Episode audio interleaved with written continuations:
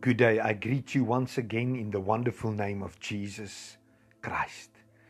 It's once again a privilege sharing with you out of God's life changing word. The last time we talked, I shared with you on the topic, the source. Christ and Him crucified, and that the cross is the answer for our past, for the present, and for the future. And today I want to share on the topic, know Him. Know Him. First things first. Maybe you are serving God for quite some time. Maybe you don't know Him at all. Maybe you are not sure what to believe.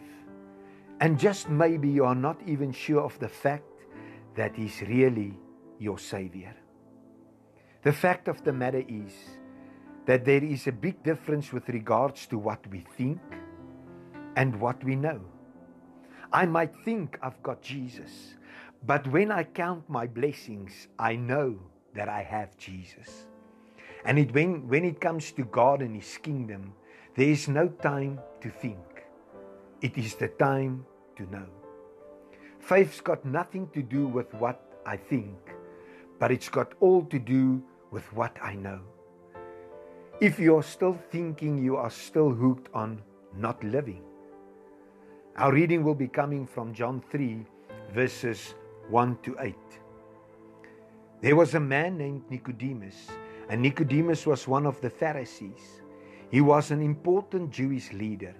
One night, Nicodemus came to Jesus and Nicodemus said, Teacher, we know that you are a teacher sent from God. No person can do these miracles that you do without God's help. That's one thing you must know. God is a miracle working God, He's the God of wonders. Jesus answered, I'll tell you the truth. A person must be born again. If a person is not born again, then that person cannot be in God's kingdom. Nicodemus said, But if a person is already old, how can he be born again? A person cannot enter his mother's body again. So a person cannot be born a second time.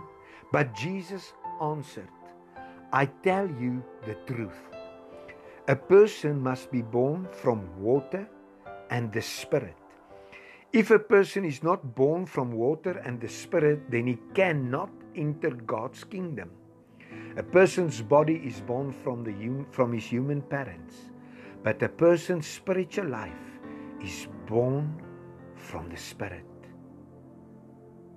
But a person's spiritual life is born from the Spirit.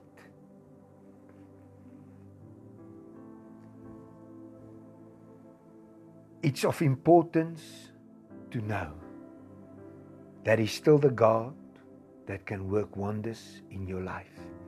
And to enter God's kingdom and to be part of God's kingdom, you must be born again. You must be made anew.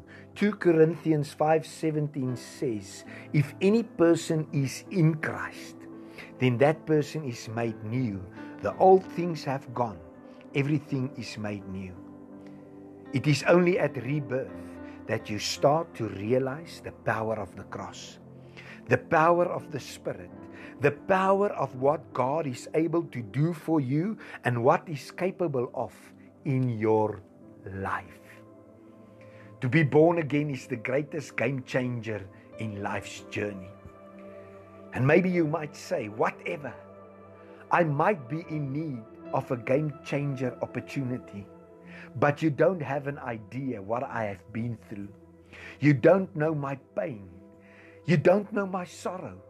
I've been dropped so many times in life. I've been ran down so many times in life. I've been heartbroken so many times. There is no way I can trust or believe anyone ever again. As a matter of fact, I've got a heart made of stone because of all my brokenness through life's journey. Stop. Stop. I want to stop you and tell you there is hope. Ezekiel 36:26 states the following: A new heart I will give you, and a new spirit I will put within you, and I will take away the stony heart. I will take away the stony heart out of your flesh and give you a heart of flesh. God wants to heal your broken heart. God wants to change your heart of stone if you will just allow Him the opportunity. And if that's not enough, He says in Ezekiel 36 27, and I will put my spirit within you and cause you to walk in my statutes, and you shall heed my ordinances and do them. I will give you my spirit for assistance. Jesus himself says in John 14, 16, and 17, and I will ask the Father, and he will give you another comforter, a counselor, a helper, an intercessor, an advocate, a strengthener, a standby, that he may remain with you forever. The Spirit of truth, whom the world cannot receive, whom the world cannot welcome, whom the world cannot take in its heart because it does not see him and know him and recognize him. You are not alone. You will never be alone if only you can give him a chance in your life. And the starting point being born again. Our scripture that we read said you must be born of water and spirit. You see, the Spirit of God brings life to Christ and Him crucified. The Spirit of God shines light on what He is able to do in your life.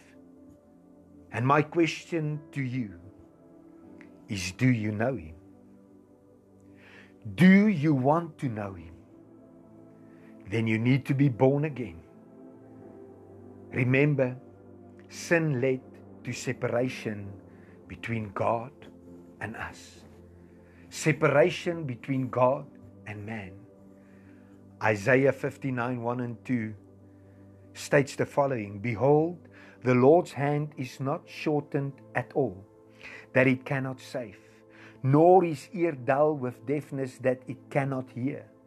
But your iniquities have made separation between you and your God and your sin has hidden his face from you so that he will not hear.